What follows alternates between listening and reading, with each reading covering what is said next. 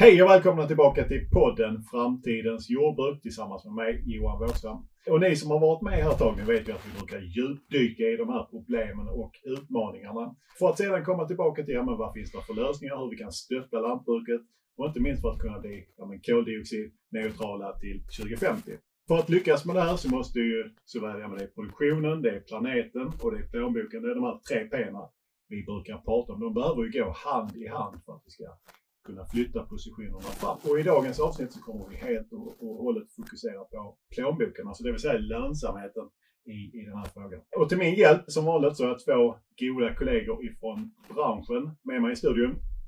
Först Mattias, vem, vem är du? Hej, Mattias Andersson heter jag. Jag jobbar som försäljnings och marknadschef på Dataväxt. Ni flesta känner ju till oss. Vi håller på med växtodlingsprogram och lite andra prylar runt omkring det. Och så vi tycker det är fantastiskt just det med att prata om plånboken och vilka möjligheter som finns egentligen med ett växtodlingsprogram. Hur man kan utveckla och använda det. Så det ska bli jättekul att vara med idag Johan. Mm, toppen! Och du har ju varit med på den förut faktiskt. Ja, så jag börjar känna mig nästan lite van här. Ja, ja men kul. En annan eh, kollega i branschen, det är Axel. Han har inte varit med på den innan, men det ska bli väldigt spännande. Vem, eh, vem är du Axel? Jag är en, en ekonomirådgivare som jobbar på HIR Skåne. Vi är ett eh, gäng ekonomer där tillsammans med andra kompetenser som växtodlingsrådgivare och vattenrådgivare och jag kan hålla på rätt mycket. Vi har rätt många affärsområden. Och sen är jag, HIR Skåne också en del av hushållssällskapet i hela Sverige, så där har vi ju ännu fler kollegor. Men mitt fokusområde det är ju ekonomi som berör produktionslantbruket. Så det är mycket nära produktionen och jag brukar kalla det praktisk ekonomi. Följer upp, räknar på investeringar och eh, med, en rätt stor andel växtodling för jag har, har ett, ett, extra starkt intresse för det men följer även upp andra typer av verksamheter som djur och så vidare. Får jag ställa en fråga? Är, är, är lantbruket intresserade av det här med ekonomi och plånboken? Eller? Hur ser det ut? Det är ju klart de vill ha en plånbok och kunna göra sina framtida investeringar eller, eller framtida nöjen eller familjen. Så det är givetvis stort intresse för, för plånboken och sen kan man ju på olika sätt eh, hantera det antingen genom att att man följer upp sin verksamhet och den biten eller att man vill diskutera sina, sina framtidsplaner så att man hamnar rätt i, utifrån sin situation. Men det är ett stort intresse för plånbok, det har alltid varit. Sen är det olika intressen på hur man vill följa upp det och diskutera. Mm. Ja, men det är ju en, en, en drivkraft för framtiden som, som du nämner där. Då tänker jag, vi, vi brukar ju börja i den här podden faktiskt i, i backspegeln. Vi tittar lite grann bakåt. Hur ser, hur ser historien ut? Hur ser bakgrunden ut? Eh, utifrån den här ja, men frågan om lönsamhet som är, är liksom dagens fokus. Och då vänder jag mig här först till, till dig Mattias. Eh, för ni arbetar ju med växtodlingsprogram, växtodlingsdokumentation. Hur passar detta in liksom i ett, ja, men, ett lönsamhetsperspektiv? Vad, vad är egentligen Ja, men vad är grundsyftet med växtodlingsprogram? Ja, men grundsyftet med växtodlingsprogram är egentligen att du ska kunna dokumentera och följa upp vad du gör på ett fält. Och det är klart att eh, vi lägger in vilken gröda och vilken nivå och sånt du lägger in på. Det är visst en viktig del i ett växtodlingsprogram. Men framförallt så är det viktigt med att få lönsamhet eller kalkylsidorna också ifyllda och använda. Så att det har ju större ändamål än bara lagkrav och regler i ett växelprogram i dagsläget. Mm. Så att jag har en stor del, blir mer och mer utveckling, är ju på ekonomibitar och allting där. Så det är det vi har byggt på mer och mer med den typen av kunskap i systemen också då. Från början så var det egentligen bara dokumentation, vad, vilken gröda och vilken mängd. Mm, mm. Sen har vi på mer och mer med arbeten och allt sånt där som drar kostnader eller intäkter och sånt. Men hur länge har ni hållit på med, med växtodlingsprogram? Nej, växtodlingsprogram och det här med data och sånt, det är vad vi har hållit på med i 26 år just nu. 27 mm. blir det till och med. Så att eh, det har hållit på väldigt, väldigt länge och vi har bara hållit på med i, i PC-miljö eller datamiljö då. För absolut kan man göra sånt här på papper och penna men det är lite stökigt och bökigt liksom. Jag skulle säga, du får ju nästan stötta med Axel här men eh, ha ett växtodlingsprogram har nästan de, väldigt många av de svenska lantbrukarna eller vad är din åsikt om det? Det är rätt många som, som har det, absolut. Eh, det håller jag helt med om. Det finns fortfarande en del kvar som kör på den manuella vägen med papper och penna och någon har säkert ett Excel-ark också. Men det blir ju fler och fler som har växtodlingsprogram. Vad ser du för fördelar att ha ett program kontra att ha papper och penna liksom? Eller ett Excel-ark? Det är ju framförallt en lösning för de som inte är så glada i papper och penna ju, i, i första hand. Att man kan hantera det digitalt ofta på ett snabbare, snabbare sätt. Och sen det digitala, de här digitala växthursprogrammen, de, de hjälper även till att man, har man köpt det så ser man också till att fylla i det förhoppningsvis så att man får nytta av de pengar man har lagt ut och använder det hela vägen. Sen finns det de som påstår fördelar med, med Excel-vägen för att kunna göra sina väldigt djupgående analyser. Det är en väldigt liten del av lantbrukarkåren som jag tolkar det idag, men där, där finns ju den kategorin också. För ni använder en hel del växtodlingsprogram i ert arbete in, inom rådgivningen, både på ekonomi och Precis, på alltså rådgivningsbiten. pr- pratar vi om växtodlingsrådgivningen som är en rätt stor del av HS och HIRS så har det ju varit en byggsten under en väldigt lång period för att just ha koll på odlingen, framförallt det vi nämnde i början med, med lagar och regler och den biten. Men sen har det utvecklats mer här de senaste åren att det har kommit in mer ekonomi i bilden och vi märker ju från vår sida som, som rådgivare hur stor nytta vi kan ha av den informationen för att göra, göra uppföljningar eller framtidsscenarion och dylikt. Att det, istället för att gissa hur saker och ting ser ut så kan vi se hur saker och ting ser ut och sen ta avstamp därifrån.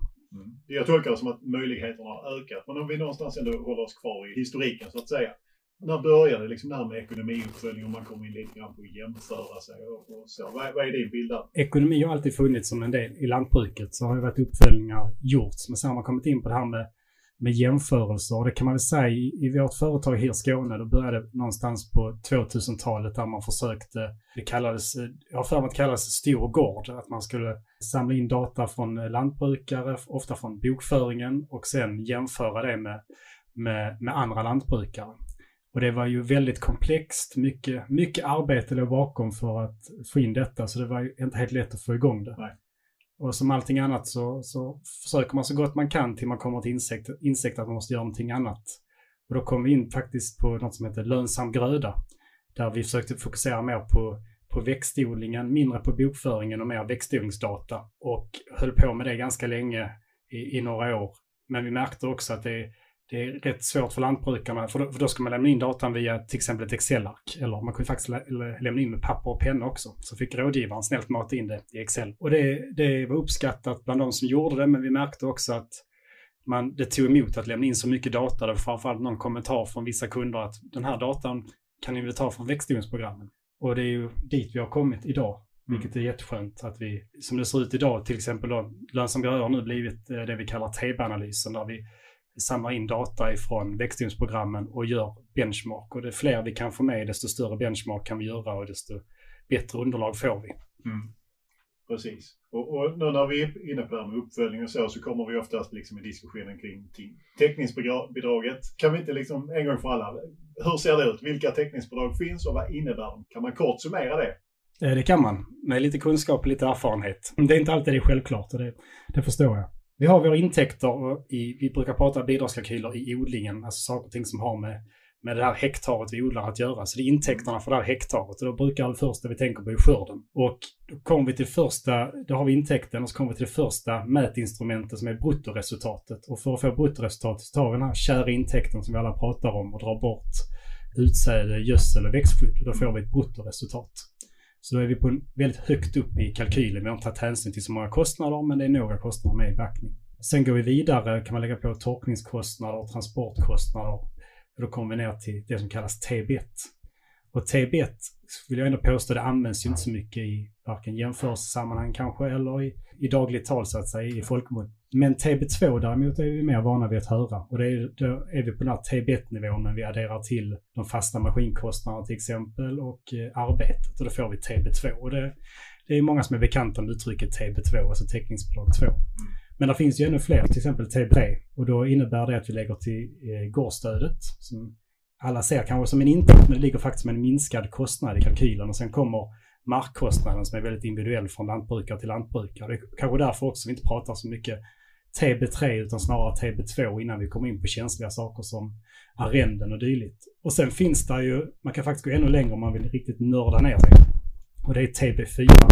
Nu är vi långt ner i kalkylen och TB4 innebär att alla de kostnader du inte har med i den här specifika kalkylen, alltså som är, kan härledas till ett hektar, ska också försöka komma med i bilden och brukar säga samkostnader i företaget. Det, det krävs ju trots allt eh, lite arbetskläder, försäkringar, eh, administration och hela den biten som vi inte kanske ser i en vetekalkyl normalt. Men den, de kostnaderna ska också täckas eh, av någonting vi odlar eller producerar. Och då brukar man ha med samkostnader och får vi TB4. Och när du har TB4, om du har varit så aktiv och ambitiös och kommit så långt ner, då vet du exakt vad du behöver för spannmålspris för att gå plus minus alltså det vi kallar produktionskostnaden. Mm. Så det finns en hel trappa med, med sådana här. Det är ganska intressant om man tittar i vårt system i växelprogrammet. Vi har ju en stor del av rapporthög där med just ekonomi. Det vi kan plocka fram, alltså täckningsbidrag 1 och 2 i systemet. Mm. Med hjälp av de insatser, med de enkla värden som du lantbrukare knappar in idag. Mm. Och du kan även följa då som sagt, vi pratar per gröda eller kan till och med på skiftesnivå. Och skiftesnivå i förhållande till de olika skiftena. Om nu det här skiftet levererar 100% som medelvärdet, det här levererar 150 och det är 50, vad ska du jobba med och titta på egentligen? Så den typen av rapport finns i växtningsprogram idag för lantbrukarna att jobba med. Och det är ju som du nämner med TB1 och TB2 och nu nämnde jag bland annat TB3 och TB4 här för att göra folk vilsna. Mm. Men just för att kolla på odlingen om man vill se skillnader och dylikt då behöver man ofta inte gå så långt ner i kalkylen för att dra intressanta jämförelser och intressanta slutsatser. Det är ju... år på år, utvecklingen och sådana saker. Precis, och då kan, man ju, då kan det ju räcka med att titta på antingen brutto TB1 eller TB2 så att säga. Mm. Så det är, ju, det är ju troligtvis rätt väg att gå när man vill titta över sina, sina skiften och dylikt. Men det hade varit jätteintressant att gå ner på TB4-nivå också. Det är möjligt, men, men det, det kräver ju rätt mycket handpåläggning som det ser ut idag. Jag tror vi kommer, eh, kanske kan avsluta diskussionen där. Hur, hur når vi dit liksom med precision? Det känns som en en, en möjlig väg ändå och väldigt tilltalande för den här totala bilden. Men jag tänkte innan vi, vi släpper den här, för jag tänker också, ja men den här insamlingen av data, sammanställa, eh, jag tänker också att man har kanske arbetat mer med schabloner historiskt. Att, att ja, men i brist på kanske kunna fånga ja, men, den bästa eller mest korrekta datan. Är, är schabloner, har det varit eller är det fortsatt en viktig parameter? Eh, historiskt sett har man ju helst velat undgå schabloner för man tycker att eh, man vill veta sitt, sina riktiga siffror. Mm. Och det, är den vägen vi försökte gå historiskt med det jag kallar stor gård i början och även lönsam gröda. Det var inga schabloner, det var mycket gårdsspecifikt. Men nackdelen där det är att man inte, att det krävs ett väldigt stort engagemang från både lantbrukare och rådgivare för att ta fram alla de här siffrorna. Så nu är vi lite tillbaka på schablonerna igen eh, när det gäller till exempel TB-analysen bara för att nå ut i större utsträckning och kunna dra det är bättre att kunna dra slutsatser än inte kunna dra några slutsatser alls för ingen har kunnat lämna in uppgifter och så vidare. Eh, men nu kommer ju liksom, nu, tekniken har utvecklats och eh, kommer fortsätta utvecklas och det gör att vi kan börja ersätta de här schablonerna på ett enkelt sätt med verkliga siffror. Tack vare att vi, vi har mer och mer teknik och samlar in mer och mer data. Så att schablonerna är tillbaka men de kanske kommer att försvinna igen mm. med tanke på att vi vi får tillgång till mer ja, saker. Så man har egentligen gått ifrån ja, ett väldigt ambitiöst system som kanske var svårt att uppfylla i det här som du kallar för Precis. Ja. Eh, Dataväxter har haft möjligheten i växtodlingsprogrammet att dokumentera, sammanställa rapporter utifrån TB1 och TB2-nivå. Eh, men det har inte riktigt fått den här ja, stora förflyttningen som man kanske vill hoppas på när man kommer in på att jämföra sig själv med andra och, och ja, men det ger ju, som jag tänker en ny dimension och det kanske är här också vi kommer in på nulägessituationen. För det är ju ändå så, vi sitter ju här tre tillsammans för att vi har ett samarbete i, i den här delen av arbetsflödet mm. där vi tycker att vi egentligen tillför, eller utifrån datapunkter eller sammanställningar tillför ja, men en bättre bild utav, av uppföljningen ekonomiskt för lantbrukaren. Eh, och, och då är det ju ja, men den här sammankopplingen, vi har varit inne på det, TB-analysen. Hur ser den ut i, i, idag Axel, om man tänker utifrån ditt perspektiv? Du har fått fler datakällor in till dig. Helt rätt. Nu, numera så, så kopplar TB-analysen direkt mot eh, växtodlingsprogrammet. Så all, all det här att tjata på lantbrukare att lämna in uppgifter, att fylla i de här Excel-arken, se till att allt är korrekt. Den, den, delen kan vi skippa nu. Nu får vi in uppgifterna direkt via växtodlingsprogrammet med, med godkännandet av lantbrukaren mm, förstås. Mm, och där får vi en rätt överskådlig bild där vi kan gå in och titta. Vi kan även identifiera är det så att lantbrukaren har skrivit fel enhet på växtskyddet, som är en vanlig, vanlig sak som händer, så kan vi se det ganska omgående i vårt system. Då ser man att eh, en, alla andra lantbrukare har växtskyddskostnader på 1000 kronor per hektar, men det är en som har på 15 000 kronor per hektar. Eh, och då kan vi identifiera att det troligtvis är ett enhetsfel. Då kan vi gå tillbaka till växtskyddsprogrammet och, och justera det. Så att vi får all data via växtodlingsprogrammet. Vi gör en liten handpåläggning fortfarande för att kvalitetssäkra, att kolla att, att det känns rimligt. Och sen så, i och med att vi kan få in fler gårdare på det här sättet när allting sker på automatik så får vi ett, stort underlag att jämföra. Och då jämför vi lantbrukare anonymt och det jämför vi gröda för gröda, till exempel vetekalkyl mot vetekalkyl. Och då kan ju lantbrukaren se då att jag har en, en viss skördenivå och jag kan se vad snittet har för skördenivå på den grödan och jag kan även se vad 25% bästa har för, skörde, eh, för skörd på den grödan. Det kan man ju se höra på grannfesten också. Man kan ju, där kan man höra många, många siffror. Men det fina här då är att vi kan se hur man har tagit fram den skörden också. Vi kan se vilka växtskyddskostnader man lagt ner, vilka gödselkostnader, vilka utsädeskostnader. Diskussionen blev väldigt intressant, framförallt för den enskilda lantbrukaren också för materialet i sin helhet. Att, att kunna ta åt sig att Eh, varför tar jag, tar, jag, tar, jag tar samma skörd som mina, mina kollegor kan vi säga, eller i branschen. Eh, men jag har mycket högre gödselkostnad än alla andra. Då börjar man ju fundera. Finns det något jag kan göra annorlunda? Siktar jag alltid på en högre skörd än jag ta? Finns det, finns det pengar att, att spara eller pengar att tjäna? Eller till och med, det kan vara så att uh, där finns en, en morot att gödsla mer. För man kan säga att man, man, ligger, man ligger i lägre skörd Man kanske har samma bördighet som de andra. Då vill man ju komma ikapp helt enkelt. Så det är mycket diskussioner vi får kring detta materialet, även om man kan tycka att det är lite enkelt att mäta skördar gentemot de här insatskostnaderna. Mm. Men det ger väldigt mycket och skapar diskussioner som går även utanför, utanför de här nyckeltalen. Mm. När, när gör man en sån här analys? Är det en gång per år eller kan man följa det i realtid eller hur jobbar, ni, jobbar man med det? Eh, vi brukar ju säga, vi ekonomer, vi är inte, vi, vi tycker om att titta bakåt och när, när saker, vi vill helst att saker och ting ska vara klart. Eh, och det är det ju ofta ett halvår efter året har varit. Så när vi väl kan analysera ett år, då har, det, har vi redan kommit halvvägs in på det nya. Mm. Och det har alltid varit en nackdel om man vill vara här och nu. Men med TB-analysen så har jag liksom förändrat alltihopa. För nu kör vi TB-analysen på, på hösten.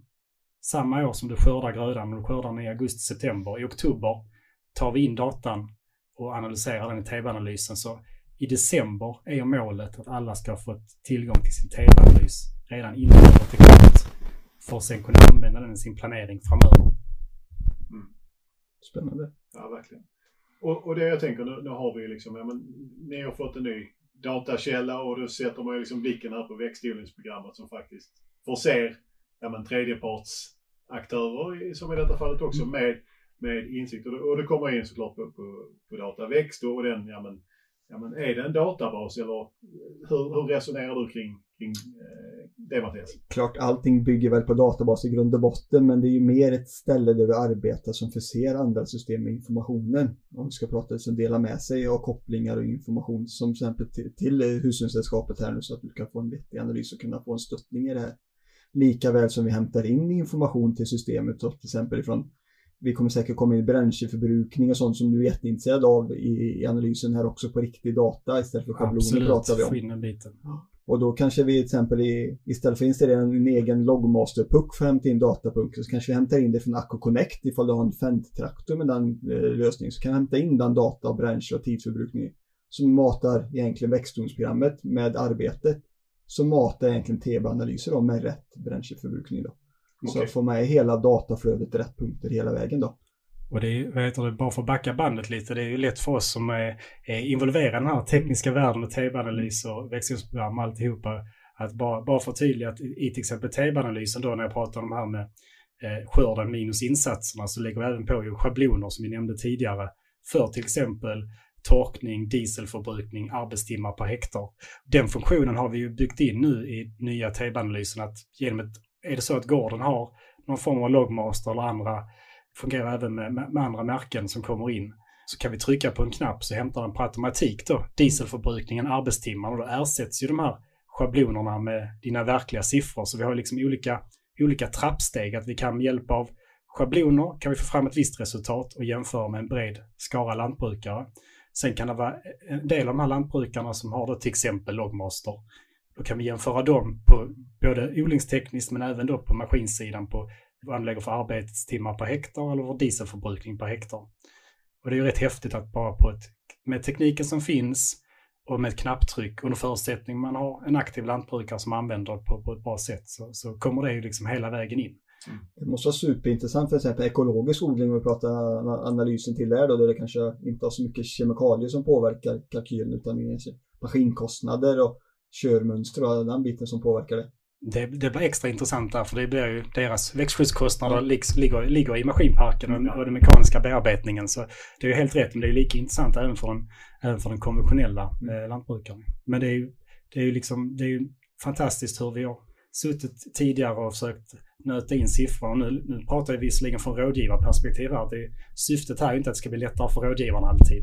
Men det är ju en stor vinning både för rådgivarna och för lantbrukarna att datan vi har, att vi inte behöver lägga för mycket tid på att bearbeta den utan kan komma till analysdelen och lägga vårt krut där.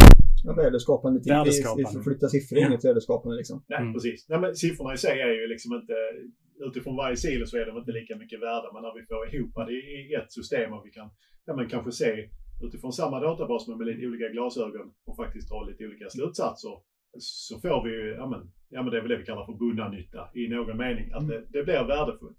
Men jag fastnar lite på det du sa Axel, att ta tillvara på ja, men, tillgänglig teknik, att nyttja det som faktiskt finns på gårdsnivå. För, och du nämnde också det Mattias, Accu Connect, det betyder ju i, i praktiken att om man då har en, en maskin från Lantmännemaskinen, Valter eller Fent, så har ju den utrustningen, ja men det kommer ju med standard i traktorn. Och genom att bara tillåta den här aktiveringen av att skicka data vidare till, till eh, dataväxt i det här fallet så har man ju den, menar, automatiska eh, dokumentationen. Och jag tror det är en viktig faktor i, i de här systemen också att vi får datakällor som faktiskt förser växtodlingsprogrammet och i sin tur eh, en TB-analys och att man inte behöver lägga mer tid utan vi vill ju inte, ja, men vi vill ju bort från penna och, block, eh, och blocket liksom och få de här rapporterna, analyserna istället. Jag har träffat väldigt få lantbrukare som brinner för, för papper och penna och flytta siffror utan det är andra faktorer som driver. Så jag helt, håller helt hållet med dig Johan på den linjen. Kan vi få mer drivet med automatik oavsett märke, oberoende, kommer in i ett system som tar det vidare till en annan oberoende som er rådgivning är då. Ja. I det här fallet här då så är det fantastiskt kul att man kan samla och som sagt ha så en mixad flotta där ute och få in det på ett ställe som tar det vidare och mm. hjälper till. Mm. Och det är ju viktigt också, till exempel vi från rådgivning, att vi kan visa vad vi kan göra med den här datan, till exempel via TB-analysen och hur vi kan gå vidare med koppla på till exempel Logmaster och andra, andra verktyg för att få det här TB per hektar ännu mer exakt mm. så att det kan, till och med kan veta vad, vad jag behöver sälja min spannmål för. Tekniken vi använder ska vi, äh, ska vi använda på riktigt också. Mm. Att vi som, det är viktigt för, för oss rådgivare att visa på nyttan vi kan ha med tekniken. Att vi sitter på massa teknik ute på gårdarna som vi skulle kunna använda i större utsträckning. Och det vi gör till exempel nu med TB-analysen, att vi kan, kan få fram ett TB på gården, vi kan även koppla på Logmaster eh, och visa hur vi kan benchmarka och hur vi kan följa upp gården. Jag tror det kan motivera många till att använda tekniken i större utsträckning. Mm. Ja, det håller jag med om för att tittar vi då på användningen av till exempel datagrejen som finns där ute. Alltså många har köpt autostyrning, vi har ett växthusprogram. Men vi kanske inte använder det mer än till 20-30% av funktionen som finns där egentligen. Och kan vi hitta sådana här saker som stimulerar och hjälper till och underlättar som vi pratar om data. Det är klart att du kan fylla i. Jag körde på det här fältet, jag förbrukade det här många liter, så här mycket tid var det. Kan få det med automatik som finns där och få in det så blir det använt på riktigt liksom. Absolut, så jag, jag ser, ser jättemycket fram emot att, att det finns, tekniken är här idag och det är mm. många som har den. Det är bara att vi ska komma igång och använda den ännu mer än vad vi redan gör. Och det är ju, det är ju pengar man redan betalar idag som man, man kan få ännu större värde för. Så investeringskostnaden för de som har tekniken är ju, det är ju noll på kronor räknat. Det är ju lite engagemang som ska till helt enkelt. Vad tror du att vi behöver göra tillsammans då för att få igång det här liksom? För att få den här att de börjar använda det. Vad kan vi, du och jag göra ihop för att göra det? Vi har, vi, vad heter det, att, att jag kan berätta om lantbrukarens svårigheter, hur, var de fastnar någonstans, mm. så, att, så, att, ni kan hjälpa till i supporten och se till att de får det att fungera. Mm. Så att de inte ger upp bara för att de inte klarar det på, på första försöket. Och sen känner jag att eh, så fort vi får möjlighet, det gör vi på diverse träffar och sånt, så visar vi upp TB-analysen och berättar historien bakom vad, hur, hur, vi hänger inte ut några lantbrukare, men vi berättar om exempel där man har utvecklats med TEB-analysen och använder den som ett verktyg i sin odling och visar vad som är möjligt. Att de sitter till exempel i publiken eller lantbrukarna kan säga att ja, men jag har ju ett växtodlingsprogram, varför är jag inte med? Jag vill också, jag vill också veta om min vetekalkyl är bättre eller sämre än snittet. Och i så fall, vad, vad kan jag göra åt det? Ja, precis. Och det, det, det här tycker jag är lite intressant, för det är inte bara det att man jämför sig med sig själv, utan man kan också jämföra sig då med ja, men, referensgårdar som ja. ett exempel. Helt rätt. Nej, vi har, vi har, eh, om jag har lagt rätt minne så har vi två referensgårdar med i materialet. Det är ju eh, Lantmännens egna gård eh, som ligger i Bjärtorp. Bjärtorp, tack.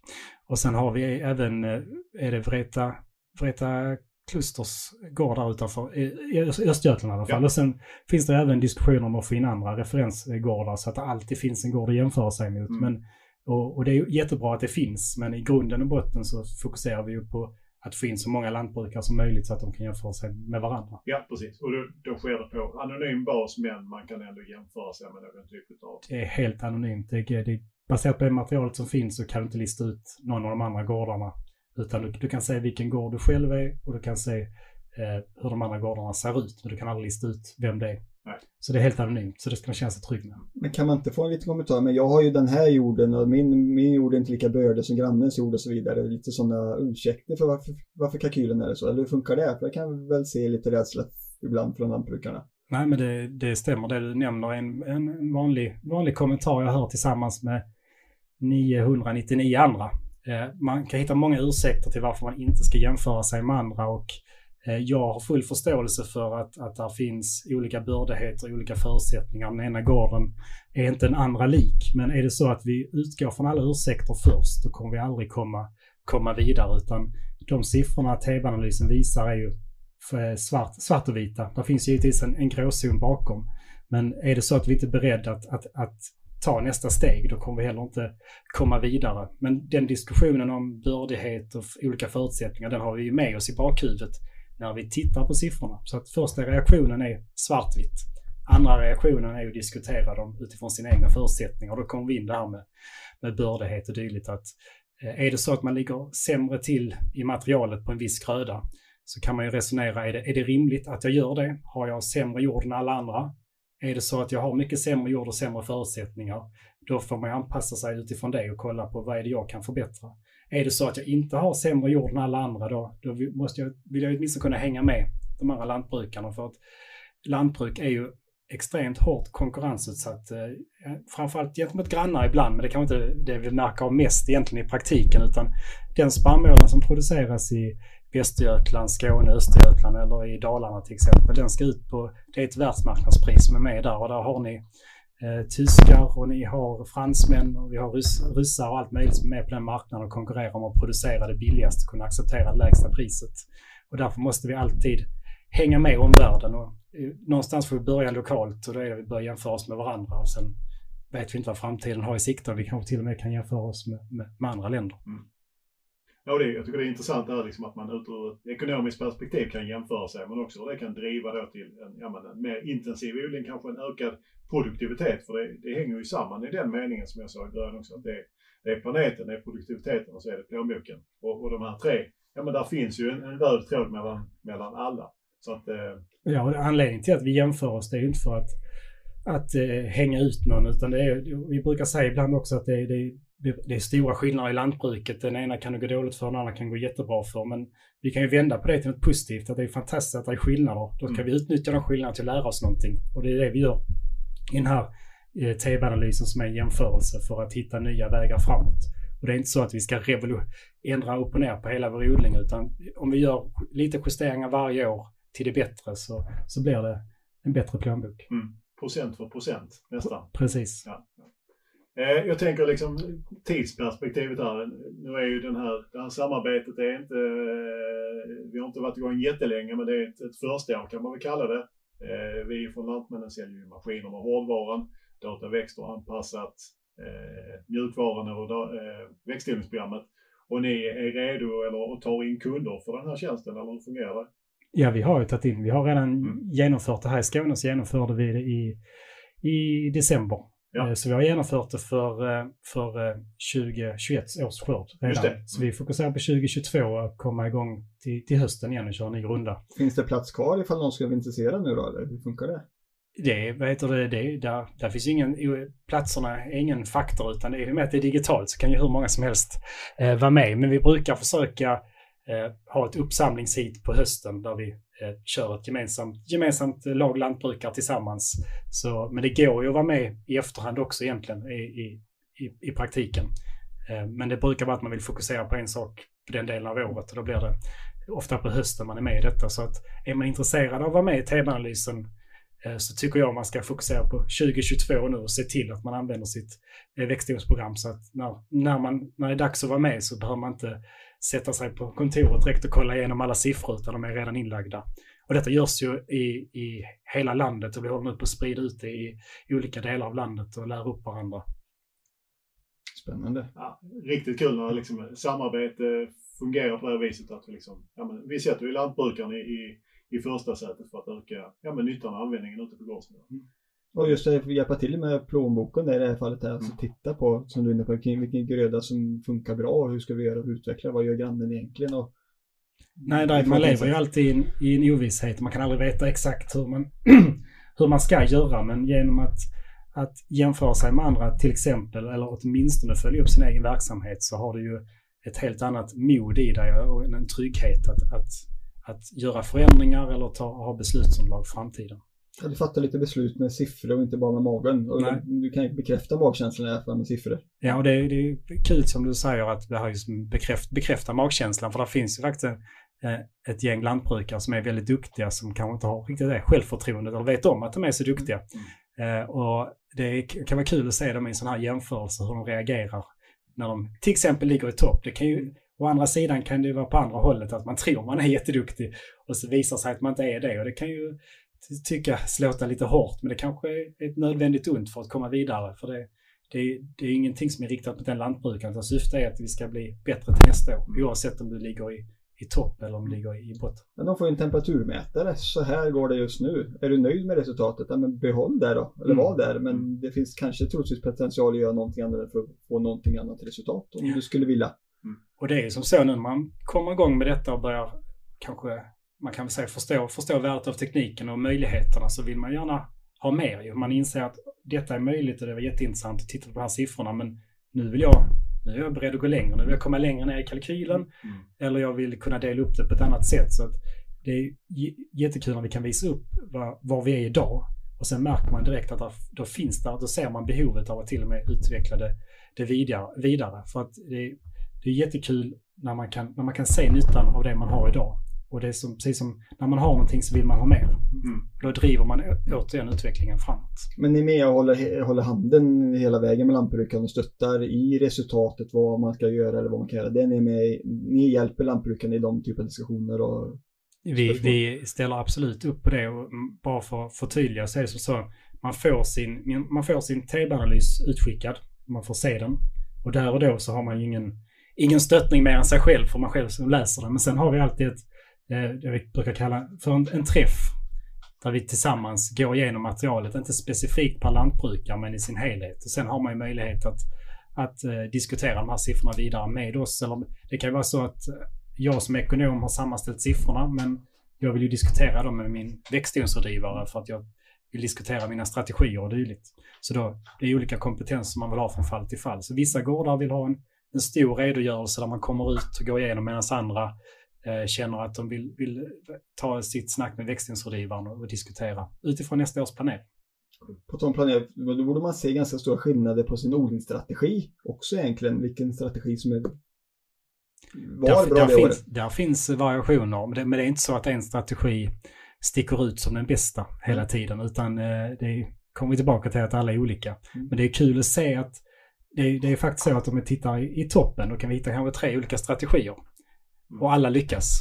Eh, men så finns det tre, samma tre strategier finns i botten. Eh, så det är, det är jättekul att titta på det och diskutera utifrån det. För då är det en faktor till, liksom hur väl har jag anpassat mig till, till min, mina geografiska förutsättningar och vem jag är som person. För det, det, vi har ju en geografi att förhålla oss till, vilken, vilken mark vi har, men vi är också olika personer allihopa och är duktiga på olika saker. Och det när man väger ihop det så kan vi kan se skillnader i strategier, men det är inte så att jag kan säga att den strategin är bäst. Och det har vi försökt med i många år när vi har hållit på med uppföljning att hitta framgångsreceptet har vi pratat om. Eh, och det är jättekul att diskutera det och det är kul att eh, analysera det och försöka hitta svaren på det. Men sanningen är att vi kommer aldrig kunna, ja, inte med dagens teknik veta så här, så här gör man, så här ska man göra för att bli den bästa lantbrukaren. Utan det är ju olika svar på de olika ställena. Men det handlar ju om att alla de som är väldigt duktiga idag, de har ju börjat någonstans ifrån och sen utvecklat det och sett att det blir bättre. Det blir lite bättre hela tiden. Om jag fortsätter så här eller gör på det här sättet så blir det lite bättre. Man får hela tiden bekräftelse. Så det är ju utvecklingen från sig själv men också i jämförelse med andra. Så de, de utvecklar sin egen plats väldigt mycket och bygger på sin egen kunskap, siffror och utvecklar den därför. Och det Precis. talar ju för det här oavsett om du ligger i topp eller botten på listan. Mm. Så är från det talet du ska utveckla dig. Som du säger, det är det de som är duktiga gör. Absolut, absolut. Så det är, det är, det är en ständig, ständig utveckling och det, det kan vissa se som, något, som kanske något, något jobbigt att behöva utvecklas hela tiden, men det är precis tvärtom. Det, det, det, ska vara kul att utveckla sig och man ska utveckla, utveckla sig på det sättet som, som, som passar ens personlighet och då, då blir det en del av ens vardag och ett sätt att, att driva företag på som man tycker är kul. Eh, och det är ju viktigt och då, då tror jag att till exempel TB-analysen är väldigt lättsam Mm och enkel att ta åt sig. Och, då, och då, jag tror det är ett lagom verktyg för många att, att börja med för att känna, jag brukar säga känna en liten spark, spark i rumpan så att säga, men på, på, ett, på ett positivt sätt. Och det kan ju också vara bra sätt att kanske ha en diskussion med sin rådgivare också och kunna hjälpa till att sparra och våga utveckla sin form av rådgivning tillsammans och även sina leverantörer. Vad är det jag ska ha för preparat till det här eller vad ska jag göra för att kunna lyfta mig till nästa nivå? Jag tror alla, alla alla som är rådgivare, alla som är lantbrukare, alla som är i den här lantbruksbranschen mm. överhuvudtaget vad man säljer eller vad man gör så tycker man de kunderna man har där man utvecklas och samtidigt känner lantbrukare, de rådgivarna och kontakterna jag har där jag utmanas lite och mm. utvecklas, det är de bästa och roligaste kontakterna. Mm. Eh, det är inte där man hela tiden har ja-sägare runt sig själv där man säger ska jag göra så här då, eller hela tiden får bekräftelse på sina idéer utan man hela tiden utmanas mm. någonstans. Så det, jag tror i långa loppet är det många som tycker det är den roligaste kontakten att ha över tid. Mm. Ja men det här bollplanket, ja. liksom att tillsammans flytta fram positionerna. Ja. Eh, det jag tänker på är liksom, ja men det känns ju som att vi har tekniskt sett så är lösningen, ja men är den kanske till och med före efterfrågan eller hur ska man bedöma det? För att det känns som att vi har ett flöde här som fungerar. Eh, vi behöver lite grann ja, men komma ut med liksom, praktiskt att det ja, men få, få fler att använda det för att se liksom det, det riktiga värdet. Är det, är det rätt uppfattat? Ja, det är helt rätt. För att bara ta för fyra, fyra år sedan när vi faktiskt höll på med de här Excel-filerna och då får den här kommentaren att det kan gå via växthusprogrammen och personligen så tänkte jag att hur ska, hur ska jag som rådgivare lösa, lösa det? Jag, jag inte, har inte de ekonomiska och tekniska musklerna för att, för att genomföra något sånt. Men det har vi ju, dit har vi kommit idag och, och det är inte bara det att vi kan få in växtodlingsdatan utan vi kan även koppla på då, eh, datan från maskinen. Mm. Och där känner jag att vi har kommit, eh, man, man, ska inte säga för långt, men vi är långt framme och nu behöver liksom lantbrukarna anamma den tekniken för att vi ska kunna använda den applikationen fullt mm. ut. Och det, är, eh, det är ett ilandsproblem att vi har kommit för långt. Det är mm. jättekul att, vi, att vi, vi har verktygen nu för att göra mer och att vi kan, kan nu utvecklas i detta. Så utmaningen ligger ju nu att få visa på värdet och komma igång med detta. Så tror jag det kommer att gå fantastiskt bra. Och det här kan ju även hjälpa till det sagt, och visa varför ska man fylla i olika tabeller eller lägga in olika typer av kostnader. För du kan få ut en jättefin rapport och bra stöttning vart det är. Precis, det tror också kan hjälpa till också utvecklingen, driva framåt det. Mm. Mata in siffror för siffrornas, bara för siffrornas välbefinnande är inte så motiverande. Nej. Men för att få det där fina diagrammet i slutet där du ser att du är den pricken och de andra gårdarna är de här mm. prickarna. Det, det är en helt annan motivation. Precis, och inte minst då kanske få lite insikt på de gjorde så här eller de använde en annan strategi. Jag menar, mm. då kommer vi in på någonting riktigt värdeskapande att man kan liksom använda, ja men jag tänker lite grann utifrån datadrivna rådgivningspunkter kan man tänka sig att det är liksom det som är framtiden. Om vi nu liksom höjer blicken mot framtidsperspektivet.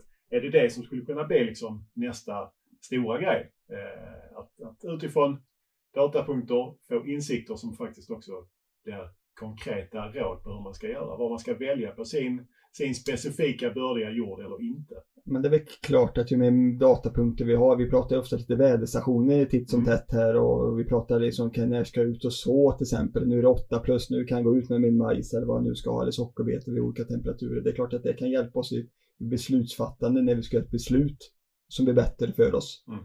Uh, och vi kan göra det, göra det mer i realtid tror jag också är viktigt framöver med datapunkterna som kan ge oss mer insikter.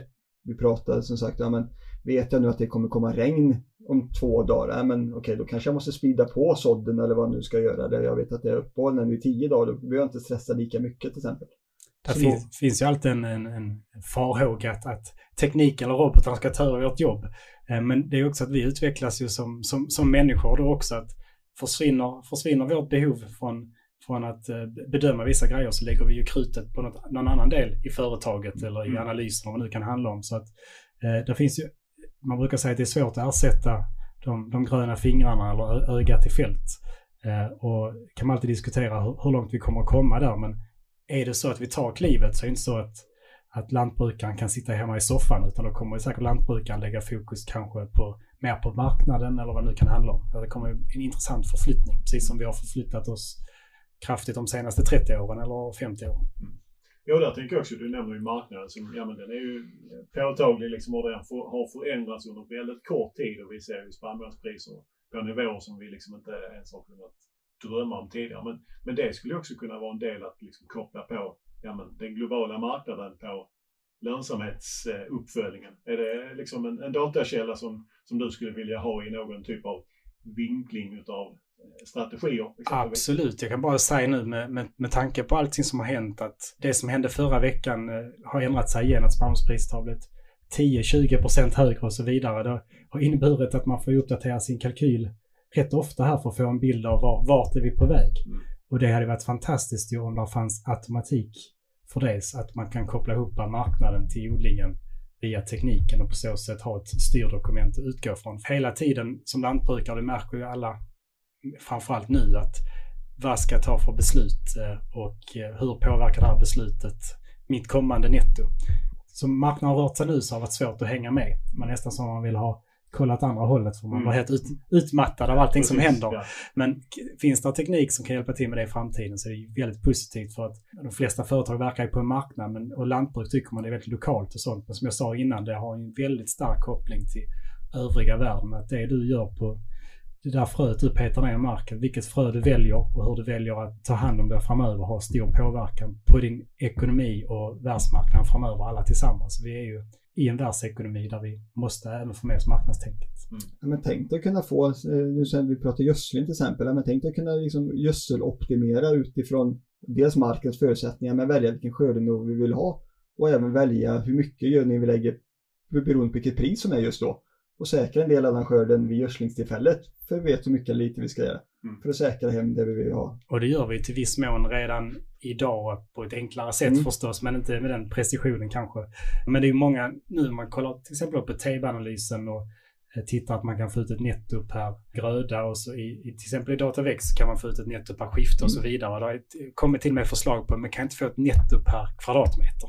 Tänk att komma dit och säga "Men här ska du gödsla så här mycket just nu för det är op- optimum för den här nivån du ska komma till för då är det, räcker det, det är good enough för Ja, Det är precis. det bästa ekonomiska optimum. Och då får en sån här färgkarta över fältet där du har röda fläckar, rö- röda små fyrkanter med dåligt täckningsbidrag och så gröna med höga. Det har ju varit rätt intressant och det kan ju låta lite löjligt här om man blickar fram och tänker på alla de här små punkterna men en dag så kanske vi är där och då är det liksom ett vedertaget koncept. Är det liksom det nya nu? TB-kartering? TB-kartering lät intressant. Vi har ju redan skördekarteringen. Ja. Vi sysslar ju med varierad gödslingsgiva till viss del. Kan vi få upp den datan, då har vi ett nästan ett, på ett bruttoresultat. Det är bara utsädet kan vi också definiera. Mm. Och växtskyddet eh, varierar vad det är någonting det händer. Ja, men det gör vi absolut. Ja. Mer och mer skulle jag Ja. säga. Mm. Så då har vi tre, fyra datapunkter. Vi har skörden, och vi har utsädet, vi har gödslingen och vi har eh, växtskyddet. Då har vi ett bruttoresultat här per, eh, per kvadratmeter. Så det är ju Ja, Och då- vi, kan och till och med, ja. vi kan ju till och med lägga på liksom bränsleförbrukningskarta. Mm. Utifrån, alltså, Mm. för att de här liksom lagren de blir fler och fler och det, det är lite intressant. Men man måste ju ställa om att faktiskt göra någonting med datan. Och det tycker jag detta är ett väldigt bra exempel på i, i tv-analysen. vad heter man, resonerar om detta med en annan lantbrukare på skoj, att man ska gå ner på kvadratmeter. Då kommer vi snabbt fram till att eh, de röda fläckarna, det kommer bli de där man harvar 50-11 gånger för att få ordning på bruket. Och då kommer programmet säga här ska du inte odla. Och det kanske, det kanske Ja. ligger något i det. Nej, men var det inte, om vi vrider tillbaka, så var det ju förr i tiden så, ja, men vissa fält var, eller vissa ytor var ju en viss gröda för att det var anpassat och bra för det. Ja, just det. Eh, och det är väl dit kanske vi pratar om grödor på olika platser till. Vi kanske kommer dit om vi kan lyckas med tekniken. Mm. På det sättet optimera sakerna. Mm. Och det kanske vi tack vare sådana här verktyg som visar att det är lönsamt eller inte lönsamt på kvadratmeter.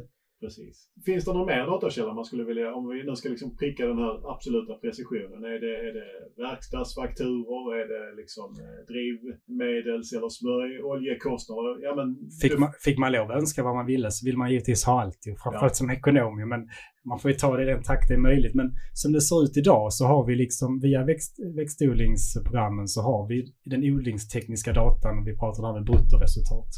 Och vi kan redan nu koppla in bränsleförbrukningen och arbetstimmarna via till exempel en logmaster eller andra system. Det som saknas just nu det är ju att få mer koll på maskinbiten. Vi, kan, vi skulle vilja ha eh, underhållskostnaderna. Mm. Eh, fakturorna för det. Där har vi ytterligare en pusselbit.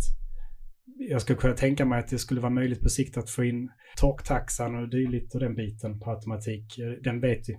Torkavtal är ju ganska enkelt att sätta i en kalkyl men hur många ton och vilken vattenhalt man har haft får också påverkan på kalkylen. Så där, det är ju saker jag kan tänka på i första hand som borde gå på, på någorlunda överskådlig tid. Mm. Ja, men det innebär att vi har ju lite att ändå fortsätta arbeta med. Det, tycker jag, det känns ju stimulerande att vi inte stannar här utan att vi fortsätter utvecklingen.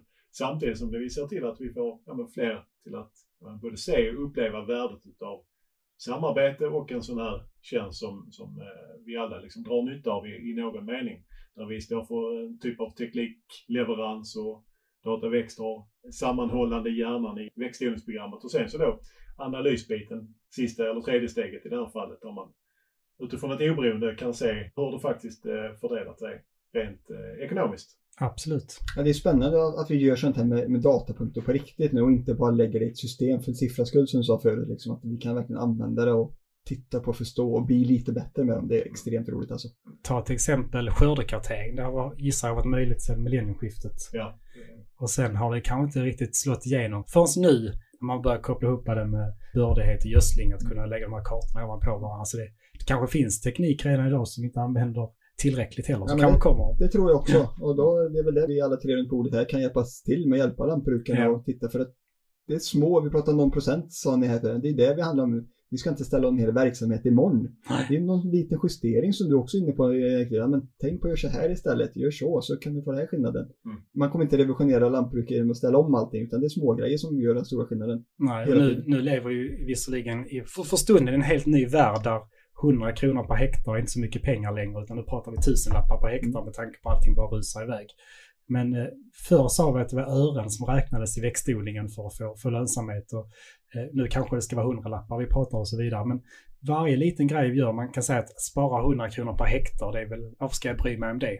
Och det kan jag förstå där för stunden, men är det en hundralapp om året i flera år så är det ju tusenlappar på sikt. Alltså just det här med att utvecklas lite hela tiden, att Mm. göra saker och ting lite, lite bättre. Nu jobbar vi ju med biologi och väder och vind och hela den biten så det är svårt att säga att det skulle vara fasta siffror hela tiden. Men just tankesättet att en liten grej varje år över tid blir ju stora, stora grejer. Det finns till exempel en engelsk rapport som jag brukar prata om ibland som är jätteintressant. Pratar, vad, vad gör de mest framgångsrika lantbrukarna angående det här med att ta fram framgångsreceptet som jag sa nästan var omöjligt. Men det är en väldigt intressant sak där att de lantbrukarna som lyckas bäst, det är de som fokuserar på rätt grejer. De gör inga stora förändringar, men de gör små, små förändringar på kanske tre grejer. De prioriterar tre grejer och gör små förändringar som tillsammans ger stor utväxling. Mm. Så det, det är små grejer vi ska justera hela tiden för att bli lite bättre som kommer ge stor utväxling på sikt. Men det kan ni hjälpa till med. I, I och med tv-analysen så finns det verktyget och er stöttning för lantbrukarna att göra de här små justeringarna i så fall. Absolut, det är ju, du, du ser ju hur du har gödslat och du ser vilka skördar du har tagit, du ser vilka, vilka växtskydd du har kört, hur mycket pengar du har lagt på ogräskörningar, på svampkörningar, på mikronäringskörningar som skapar den här diskussionen i, ibland handlar det om 50-lappar, ibland handlar det om 500 kronor per hektar man kan spara jämfört med andra. Det är det, precis det jag pratar om, att det finns någonting att göra. Det är kanske inte så man löser problemet till nästa år, men har man det i bakhuvudet så vet man vad man ska fokusera på. För den här tv-analysen handlar om att hitta vad du är duktig på och hitta vad du är mindre duktig på. Och det är där du ska lägga fokus för att höja nivån. Precis som vi pratar om precisionsgödsling och allting annat. Det handlar ibland om att lyfta de sämsta delarna på fältet så att vi får upp snittet. Och det är ju samma tankesätt här. Att eh, hitta vad du är duktig på och vad du är mindre duktig på och försök lyfta de delarna. Väldigt spännande och tiden bara flyger iväg här bokstavligt eh, talat. Jag känner dels att jag själv har lärt mig jättemycket under den här, det här samtalet som jag gärna skulle vilja fortsätta med i, i ett uppföljande avsnitt lite längre fram när vi har kommit också kanske längre i flera datakällor. Men annars min, liksom, min samlade bild av det här, ja men samarbete det öppnar liksom helt nya möjligheter. Och framförallt när man sätter lantbrukaren, kunden i fokus. Och att vi formerar våra erbjudanden kring den personen. Jag tror det är jätteviktigt. Och i takt med att vi också får ja, men fler uppkopplade saker i lantbruket, det gör att vi kommer kunna bli mer ja, men snabba. Vi eh, kan liksom förändra våra beslut utifrån ja, en volatil marknad eller vad det kan vara. Och att vi också driver mot det här produktiva, lönsamma och hållbara lantbruket i, i slutändan. Så att eh, med det sagt, jag är jättetacksam att ni hade möjlighet att komma hit och, och eh, diskutera den här stunden. Tack är som sagt alltid intressant och Erik, eh, Axel, det blir extremt roligt att följa det här. Men vad kan vi nästa gång? Borgeby eller? Borgeby, då kommer vi eh, köra för fullt igen. Ja men då ses vi i Borgeby. Det gör vi. Se till att ni också kommer dit och ha det bra tills dess. Hej! Hej hej! Hej hej!